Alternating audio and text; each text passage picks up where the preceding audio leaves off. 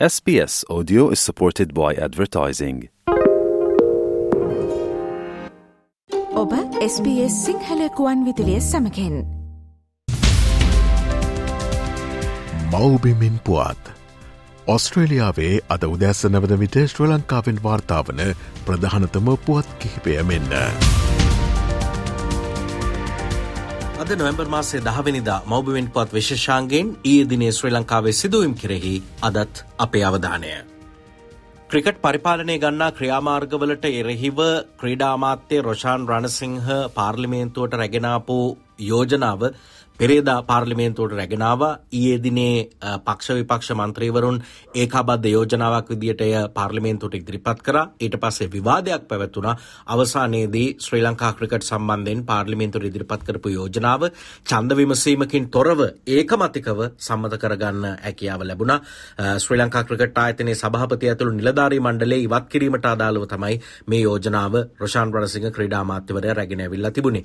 පෙරේද දිනේ වගේම ඊයේ දිනෙත් පාර්ලිමේන්තුවේදී රොෂාන් රණසිංහ ක්‍රීඩා අමාත්‍යවරයා තමන් රැගෙනාපු යෝජනාව සාධාරණීකරණය කරමින් පාර්ලිමේන්තුවේදී අදහස් පල කරා. මේ තවදුරටත් ඒ පිළිබඳ අදහස් පල කරන රොෂාන් රණසිංහ ක්‍රීඩා අමාත්‍යවරයා. මම ඊයේ දිනේ ඒ හෙලි කරපු කරුණු කරු මන්ත්‍රීතුමා ගොඩාක් ඉවසලා ඉවසලා ඉවසලා ඉවසලා හෙලි කරේ. සමහරු කියනවානේ දැන් උපදෙස් දෙන්න ගොඩක් ඉන්නේ. මේක කලබල නැතුව කරා නම් හොඳයි, හිමින් කරා නම් හොඳයි. අවුරුද්දකට ආසන්න කාලයක් ඉවසුවා. අවශ්‍ය වැඩපිළිවෙල සකස් කරා. අවවාද ලබා දුන්නා ක්‍රිකට් එකට ගෙන. මොකද හේතුව මම දන්නවා මටත් බිරිඳක් දරුවෝ ටිකක් ඉන්නවා. ඒ අයට ආත්මගරුත්වයක් තියෙන. සදාචාරයක් තියෙන. හෙට පාරේ බහලා යන්න ඕනකම තියෙන. ඒක නිසා මම කවදාවත් කෙනෙකුට නිකං නම කියලා විවේචනයක් කරන්නේ නෑ. එහෙම මොහොතක මන්ත්‍රීතුමනි මේ ප්‍රකාශය කරන්න උනේ වගකීමෙන් හරියට ආවට ගියාට නෙමෙයි. මම කවදාවත් මේ පාර්ලිමේන්තුවේ පෞද්ගලික චරිතය කිසි දවසක හානි කළා. ක්‍රිකට් සම්බන්ධ විවාදයට එක් වුණු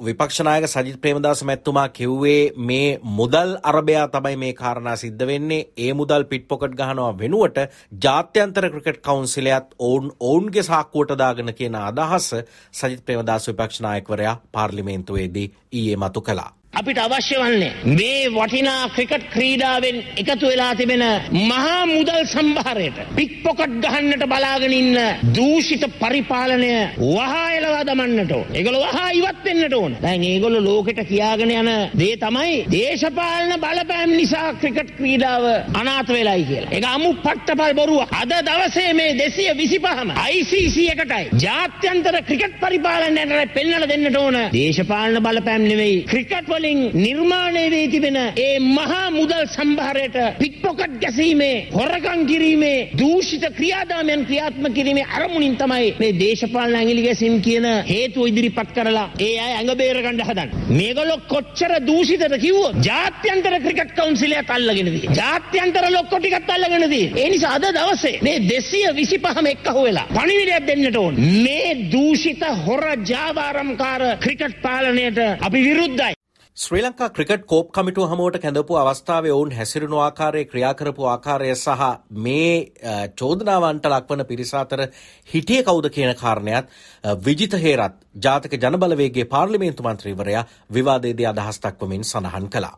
මේ පාර්ලිමේන්තුවේ කෝප් කමිටුවේ අවස්ථා ගණනාවකදීම ක්‍රිකට් බෝඩ් එක කැඳවලා ක්‍රිකට් බෝඩ් එකකින් ප්‍රශ්න කරනු ලැබුවා. ඒ දූෂණ වංචා පිළිබඳ විමර්ශනය කරා. මේගොල්ලෝ හදාගෙන තිබුණා ක්‍රිකට් 8 කියලා එකක්. ඒ ක්‍රිකට් 8 කියන එක පුදුම සහගත එකක්. ක්‍රිකට් බෝඩ් එකේ නිල සමාජිකත්වයෙන් ඉවත් වෙලා ගියත් පුද්ගලිකව ඒ අයට මේ ආධාර අරගෙන ක්‍රියාත්මක වෙන්න පුළුවන් වගන්ති ඒකේ තිබුණා. මේක ක්‍රිකට් බෝඩ් එකේ කම්පියුටරේ විතරයි තිබුණේ. ඒ කෝප් කමිටුවේ විමර්ශනයේදී එවකට හිටපු සභාපතිවරයා අහනවා විගණකාධිපති දෙපාර්තමේන්තුවෙන් ඔයාලා කොහොමද එහෙම එකක් තියනවා කියලා ඔප්පු කරන්නේ කියලා. ඒ වෙලාවේ මට මතකයි තරුණ විගණ නිලධාරියෙක් ඔහු ක්‍රිකට් ක්‍රීඩාවට ඉතාම ආදරය කරන කෙනෙක්. ඒ නිසාම ඔහු මේකට විශේෂයෙන් මැදිහත් වෙලා තිබුණා. ඒ විගණ නිලධාරියා කිව්වා මම ඔයාලගේ වෙබ්සයිට් එක ඔයාලගේ කම්පියුටරේ හැක් කරා කියලා. මම හැක් කළා තමයි අතට රින්ගුවේ කිව්වේ. එහෙම තමයි මම තොරතුරු ගත්තේ. ඒ කෝප් කමිටුවේ වාර්තාවේ තියෙනවා ඒක. මොකද ඒගොල්ලෝ හිතුවේ ඒගොල්ලන්ගේ කම්පියුටරේ ඇතුලේ විතරයි ඒ ගත්ත තොරතුරු තියෙන්නේ කියලා. ඊට පස්සේ සභාපතිවරයා ගොත ගැහුණා. උත්තර දී ගන්න බැරි වුණා. අවසනාවට ඒ සභාපතිවරයා මේ පාර්ලිමේන්තුවේ හිටපු මන්ත්‍රීවරයෙක්.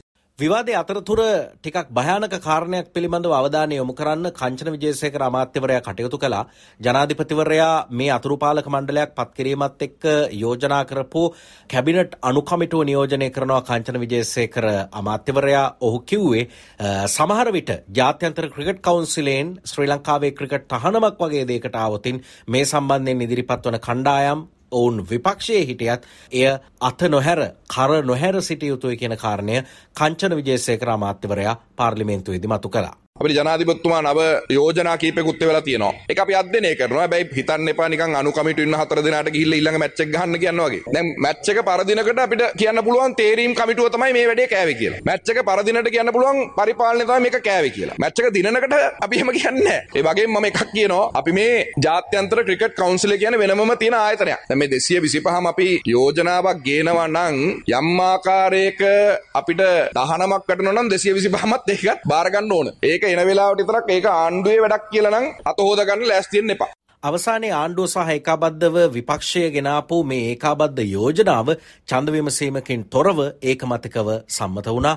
ඒ අවස්ථාවේ කතානායකවරයා ඒ ඒකමතික භාවය පිළිබඳව පාර්ලිමේන්තුවෙන් විවසපු අවස්ථාව මේ. අංක පහ දරන ඒකමතික යෝජනාව අද සභාව සම්මත කරනවද සම්මතද ඒකමතිකද ගරු කතානායකතුම අපි දැන් මේ විපක්ෂෙන් ගෙනවා. අපි ස්ථීර කරා. ආයේ මොකද්ද? JVP එක විතරයි එළ නැති අපි අපි සම්මතයි. අපි ඔක්කොම සම්මතයි. සම්මතයි. සම්මතයි. අපි යනවා. සම්මතයි. සභාව තියාගන්න. බානායකතුමා සභාව එකඟද ඌතුමා කියන්නේ. ගරු කතානායකතුමනි මේ යෝජනාව විපක්ෂයෙන් ඉදිරිපත් කරා. ආණ්ඩුවෙන් ඒ එක ස්ථීර කරා. ඔව්. මේ යෝජනාව සම්මතයි. මේ යෝජනාවට අපි සියලු දෙනාම එකගයි. විපක්ෂය විරුද්ධ නම් අපි දන්නේ නැහැ. ඔව්. විපක්ෂය විරුද්ධ නම් අපරාධ මේක ගෙනාවේ.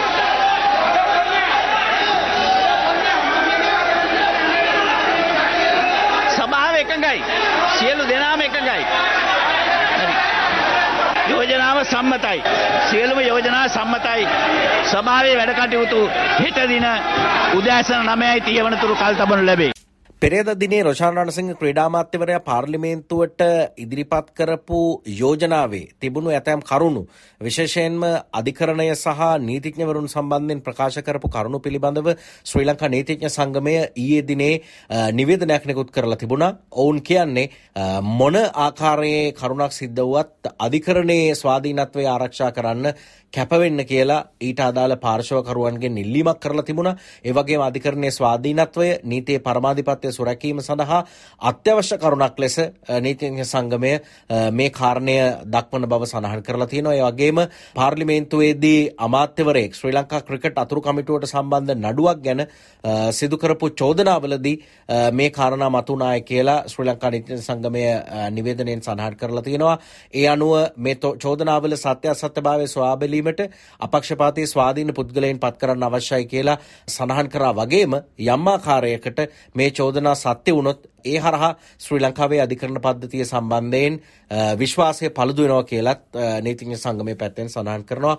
කොමුණත් මේ චෝදනා අසත්‍යයි කියලා ඔප්පු වුණොත් අ, රටේ අධිකරණයට අපහාස කිරීමේ චෝදනා යටතේ අපරාධ චෝදනාවලට ලක් වෙන්නත් පුළුවන් කියලා නීතිඥ සංගමය සඳහන් කරනවා.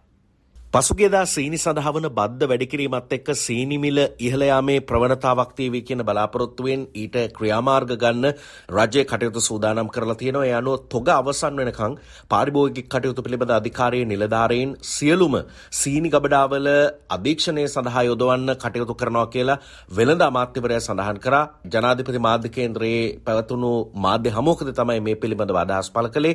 අ, සීනි කිලෝග්‍රෑමයකට දැනට පවතින රුපියල් 275ක පාලන මිල ඉක්මවලා සීනි අලෙවි කරන පුද්ගලයන්ට එරෙහිව නීතිමය පියවර ගන්න කටයුතු කරනවා කියලා ඇමතිවරයා සඳහන් කළා. මේ බදු එකපාර වැඩි කිරීමත් එක්ක ඒ සඳහා ක්‍රියාත්මක වන වෙළඳුන් සීනි මිල වැඩි කරාවේ කියන අපේක්ෂාවෙන් තමයි මෙහෙම කරන්න හේතුව. ඒකට අ, තවදුරටත් සඳහන් කරනවා ශ්‍රී ලංකාවේ මාසයකට ප්‍රමාණවත් සීනි දැනට වෙළඳපළ තුල තියෙනවා කියලා. ඒ අදහසින් තමයි පාරිභෝගික කටයුතු පිළිබඳ අධිකාරිය ඒ සඳහා යොදවන්න ක්‍රියා කරලා තියෙන්නේ. නැවත එළමෙන සඳුදා දිනේ හමුවන බලාපොරොත්තු ඇතිවම සමුගන්නවා ශ්‍රී ලංකාවේ සිට මනෝජ් උදටියාවල. මව්බිමෙන් පුවත්.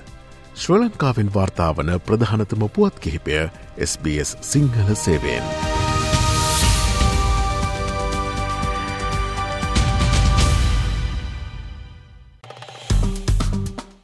ලයි කරන්න ෂයා කරන්න අදහස් ප්‍රකාශ කරන්න SBS සිංහල ෆස්බුක් පිටුව ෆලෝ කරන්න.